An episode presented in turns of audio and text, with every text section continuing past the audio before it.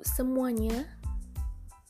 Apa kabar 2000 mendengarku di luar sana? Semoga kalian tetap sehat di mana pun kalian berada. Dan selamat datang kembali di rekamannya Dias. Um, Mungkin 2000 pendengar ini sebenarnya udah gak ada gitu ya. Kayak Iya hilang aja. Karena sebulan gak ada konten Terus kayak ini sebenarnya niat gak sih yang bikin gitu kan?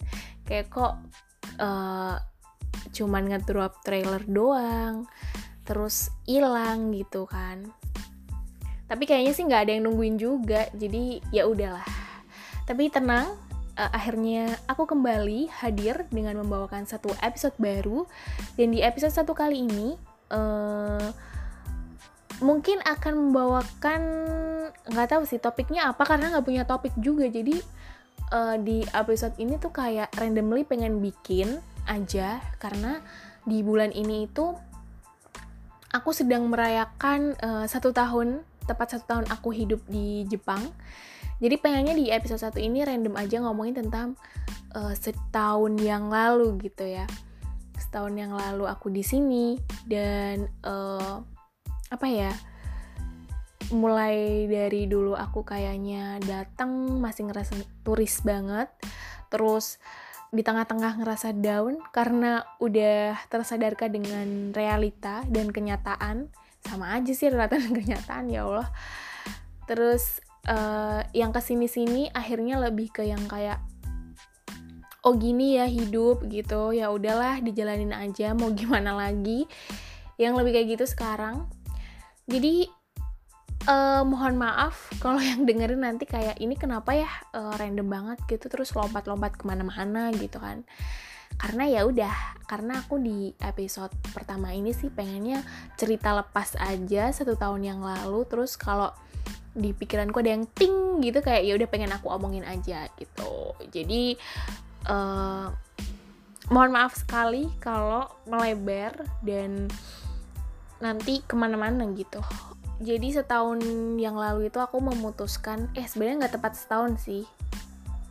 Berapa ya? Pokoknya 2019 itu aku memutuskan untuk aku punya satu goals.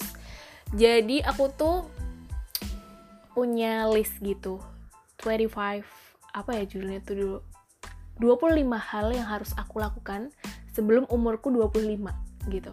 Dan di list itu tuh ada salah satunya hidup di luar negeri aku tuh nulis nulis aja karena aku mikirnya kayak ya udah gitu loh kayak uh, nothing tulus gitu. Tapi uh, nggak tahu kenapa akhirnya alhamdulillah list itu tuh bisa tercentang. Dan aku tidak tidak menyangka sih sebelumnya. Karena uh, di titik itu tuh aku udah lupa kalau aku punya list itu. Dan di titik itu juga aku sedang merasa kayak aku nggak bisa nih hidup di kayak gini terus gitu. Waktu itu pengennya sih sekolah S2 dengan merasakan apa ya fasilitas yang berbeda gitu. Terus uh, merasakan pendidikan yang nggak sistem pendidikan yang beda juga yang nggak gitu-gitu aja gitu. Dulu aku udah pernah ngerasain S2 uh, eh, satu semester di salah satu univ negeri di Indonesia di Surabaya.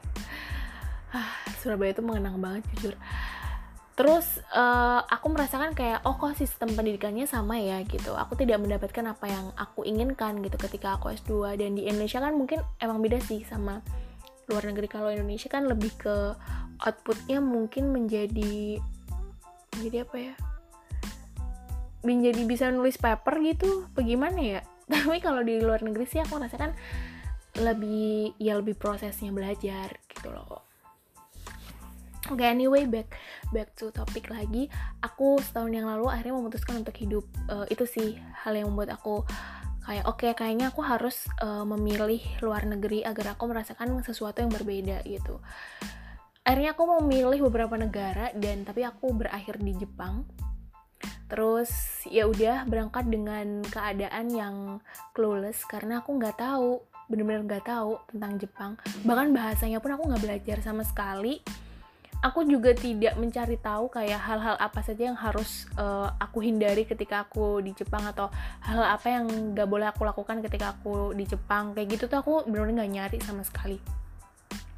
Aku beli buku kalau nggak salah di Gramet sama Bibil tentang percakapan sehari-hari bahasa Jepang tuh juga nggak aku pelajari sih. Aku tuh cuman inget uh, arigato gozaimasu doang sama ohayo gozaimasu. Itu doang kayaknya.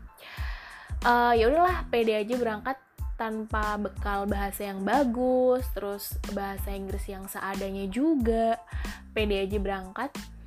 Uh, nyampe airport tuh kayak nah itu sih itu hal yang aku merasa kayak bener-bener ditampar kayak oh shit aku sudah tidak ada di negaraku lagi dan bahasanya beda. Bahkan pertama kali aku nanya ke information apa sih namanya center ya kalau nggak salah. Itu tuh kan harus pakai bahasa Inggris ya itu pertanyaan pertama kalinya aku mikir kayak oh iya udah nggak bisa pakai bahasa Indonesia dan nanya harus pakai bahasa Inggris. Terus pas aku nanya pakai bahasa Inggris orangnya nggak paham. Nah itu tuh yang aku merasa kayak oh gini nih kayaknya kalau misalnya hidup dengan dua bahasa yang berbeda tuh kayak gini ya gitu. Nggak bisa nggak bisa terus terusan kayak gini. Terus akhirnya uh, ya udahlah itu pertama tapi aku masih ngerasa turis kayak yang oh nggak apa-apa gitu nggak apa-apa. Mungkin gak semua orang kayak gini gitu kan uh, akhirnya ya udah masih sebulan pertama dua bulan pertama tuh masih ngerasa turis. Tiga eh masuk bulan ketiga keempat aku udah masuk part time terus pas uh, oh itu kuliah udah mulai padat sih udah mulai ada assignment terus tugas-tugas eh assignment kan gitu tugas ada ujian yang kayak gitu. Tapi ya udah aku lewatin dengan segala suka duka yang ada.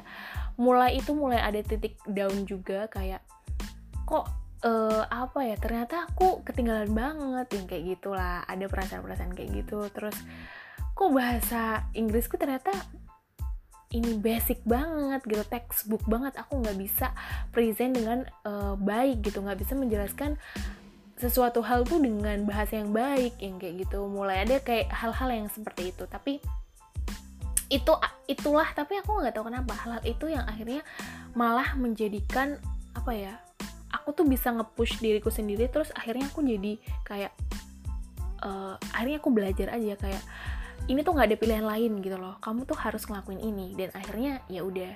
Terus bulan berapa sih? 5, 6, 7, 8, 9, 10, 11, 12 nah ini udah bulan-bulan yang aku rasanya kayak oh udah terbiasa dengan dinamika kehidupan yang ada. Terus kayak sudah mulai bisa menyesuaikan dengan lingkungan sekitar terus uh, udah mulai lumayan cepat beradaptasi terus udah mulai tahu oh caranya berkomunikasi sama orang yang beda culture tuh kayak gini. Terus uh, skill masakku juga udah lumayan terupgrade yang tadinya cuman bisa masak uh, apa sih sayur sop doang. Maksudnya sop sop yang ini ya apa sih sup yang apa tuh isinya tuh cuma sayuran doang gitu loh direbus doang gitu. Sekarang lebih uh, bisa masak kayak uh, yang sedikit rumit gitu yang pakai bumbu-bumbu bumbu apa sih? Bumbu yang kayak jahe yang kayak gitu yang kayak lengkuas yang kayak gitu. Jadi lebih bervariasi lah sekarang udah bisa. Terus uh, ke sini sini juga lebih apa ya lebih bisa mengontrol emosi juga. Dulunya yang kayak apa sih terlalu menggebu-gebu gitu mungkin ya kayak kayak lebih uh, kalau aku sedih tuh orang harus tahu gitu. Yang lebih kayak gitu dulu. Sekarang kayak ya udah nggak usah gitu-gitu amat. Lebih bisa apa yang menenangkan diri sendiri gitu. Kalau lagi kalut anjir lagi kalut. Lagi sedih lagi kecewa lagi gelisah gitu lebih kayak ya udah ya nggak apa-apa nggak apa-apa gitu loh. Lebih bisa um, meng, apa sih ngepuk-puk diri sendiri gitu. Terus apalagi ya oh lebih legowo juga sekarang di bulan-bulan ini. Dulu awal-awal tuh kayak masih punya ambisi nggak aku harus menjadi mahasiswa uh, di fakultasku yang terbaik. Eh gila gila. Aku tuh dulu yang gitu loh aku harus bisa yang kayak gitu. Aku harus bisa aku harus bisa. Sekarang kayak lebih eh, nggak uh, usah sih nggak usah muluk-muluk gitu. Dilakuin aja dengan semaksimal mungkin. Kalau misalnya yang aku pengenkan tercapai yaitu bonus. Kalau nggak tercapai ya jadi pelajaran yang lebih kayak gitu. Gila-gila.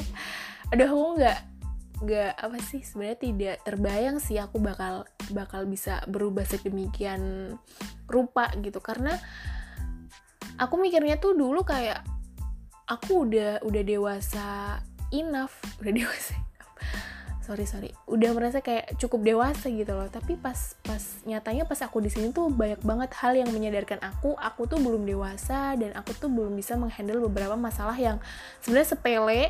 Tapi aku ngerasain kayak itu wah gila nih parah nih yang kayak gitu loh. Padahal sebenarnya kayak kalau masalah sepele tuh yang kayak ah itu it's not a big deal gitu loh. Kayak ya udah gitu dulu tuh aku masih yang kayak membesarkan sesuatu yang kayak nggak bisa ini gila sih gila ini mengganggu banget yang lebih gitu. Sekarang kayak yang lebih kalem oh nggak apa-apa ada ini ya udah dihadepin uh, lebih lebih lebih alon-alon. Eh lebih ah bukan alon ya. Kayak lebih kalem aja gitu sekarang lebih kalem. Itu sih terus apa lagi ya? Uh, mungkin kalau secara secara akademik aku nggak tahu aku terimprove apa enggak cuman aku merasanya uh, sekolah di sini dan hidup di sini itu sangat mudah. Jadi untuk aku tuh sangat mudah mendapatkan informasi yang baru gitu. Kalau di Indonesia mungkin sebenarnya juga mudah juga tapi aku orangnya karena lingkunganku juga nggak yang apa ya nggak bukan dari background. Karena kalau di Indonesia tuh kayak orangnya kita kan mageran gitu gak sih? Mageran terus kayak nggak mau nyari sesuatu informasi sedalam mungkin gitu kalau di sini orang-orangnya yang tipikal kayak gitu kan. Jadinya jadi lebih lebih informasi tuh jadi lebih lebih menurutku aku lebih terpapar banyak informasi gitu ketika di sini. Terus aku sendiri pun jadi ada uh, habit yang kayak aku harus baca terus aku jadi senang baca gitu. Jadi aku tuh lebih uh, apa ya kepo sama sesuatu ya aku baca gitu. Dulu tuh kayak lebih ke ah, apa sih? gitu. Kepo tapi yang kayak mager yang kayak gitu loh. Sekarang lebih ke situ. Terus apalagi sih? Oh secara spiritual kalau secara spiritual sih um, aku juga tidak bisa mengukur apakah aku lebih apa ya religius apa enggak gitu kan lebih dekat dengan Tuhan atau tidak. Tapi aku merasanya karena aku jauh dari aku sebagai minority aku tuh lebih kayak merasa aku punya tanggung jawab yang apa ya aku nggak bisa tinggalkan gitu. Aku tuh lebih lebih mungkin lebih sadar gitu. Oh aku harus sholat lima waktu aku harus puasa sunnah. Aku lebih lebih sadar juga kalau misalnya uh, apa ya aku tuh nggak bisa ngelakuin ini ini tuh dosa yang kayak gitu. Aku lebih sadar dengan hal-hal yang seperti itu. Dulu di Indonesia mungkin karena lingkunganku muslim semua jadi kayak uh, ya udah sholat tuh hanya sholat aja gitu karena udah waktunya karena diingetin azan. Tapi kalau di sini sekarang sholat lima waktu itu jadi uh, bukan lagi jadi ibadah tapi jadi apa ya? Jadi aku nggak tahu jadi nilai bukan nilai sih. Aku ngerasanya kalau sholat itu sekarang udah bukan lagi kayak ya udah sholat aja gitu tuh kewajiban. Udah bukan yang kayak lagi kayak gitu loh. Tapi uh, itu benar-benar memperbaiki hubunganku dengan yang di atas gitu. Uh, terus sekarang kayak sadar juga kalau misalnya udah mau marah atau mau sedih atau mau eh ya mau marah sih yang utama tuh yang mau marah atau aku ngebatin sesuatu kayak misalnya ya aku sebel banget sama orang itu. Aku tuh langsung keinget kayak oh berarti selama ini sholatku belum bisa belum bisa mencegah aku nih dari hal-hal yang seperti ini gitu. Mungkin ada yang salah sama sholatku. Lebih ke situ sih secara secara spiritual aku lebih bisa memaknai hal-hal yang yang seperti itu. Dulu tuh aku ya aku dulu uh, mendengarkan kajian yang sebagainya cuman aku belum bisa merasakan itu dalam kehidupan sehari kehidupan sehari-hari gitu. Mungkin aku baca Quran mungkin aku baca uh, apa ya atau mendengarkan kajian cuman aku tidak kehidupanku tidak terbalut dengan itu gitu. Tapi sekarang malah aku rasanya karena menjadi minority tapi nggak tahu aku malah tersadarkan dengan hal-hal yang seperti itu. Kalau kalau apa ya yaitu mulai benci ada rasa-rasa benci atau iri atau dengki sama orang tuh kayak oh berarti yang salah akun. Ya emang harusnya kan gitu kan. Sholat kita bisa jadi alarm buat kita gitu kan. Kayak yang kita lakuin eh, sholat kita tuh belum bisa mencegah kita dari nahidah mungkar gitu. Gila gue kenapa jadi uh, tausiah ini ya jatuhnya gitu. Ya seperti itulah secara spiritual. Um, apalagi ya? Ih udah 14 menit. Biar 15 menit apalagi? Sebenarnya udah aja sih setahun itu kayak gitu secara general. Uh, di episode-episode selanjutnya aku akan bahas secara detail kayak misalnya uh, apa bagaimana menjadi seorang muslim di negara yang muslimnya minority. Terus mau bahas yang apa perbedaan S2 di Indonesia dan di sini. Terus yang kayak gitu kali ya bahas-bahas yang kayak gitu. Cuman ya karena ini meriahkan satu tahun aku hidup di sini jadi ya udah aku pengen ngomongin hal general dan aku pengen cerita lepas aja. Ah uh, segitu aja. Semoga ini bisa menjadi um, referensi teman-teman yang penasaran tentang apakah kehidupan di luar negeri uh, memang se worth it itu atau sebenarnya kayak biasa aja gitu. Um, Oke okay, segitu aja. Semoga kalian tetap ini ya sehat. Jangan lupa pakai masker. Terus kalau misalnya ada gejala-gejala langsung periksa. Jangan jangan yang kayak ah, malu yang kayak gitu. Karena COVID ini bener-bener ada please aku sedih banget di Indonesia ada yang ada yang masih percaya kalau ini tuh konspirasi sumpah itu ter tersedih sih kayak aduh nggak tahu lagi deh pokoknya oke okay. terima kasih semuanya yang sudah mendengarkan dan padahal emang nggak ada yang mendengarkan nggak apa-apa aku berterima kasih sama diriku sendiri um, udah sih gitu aja. Stay healthy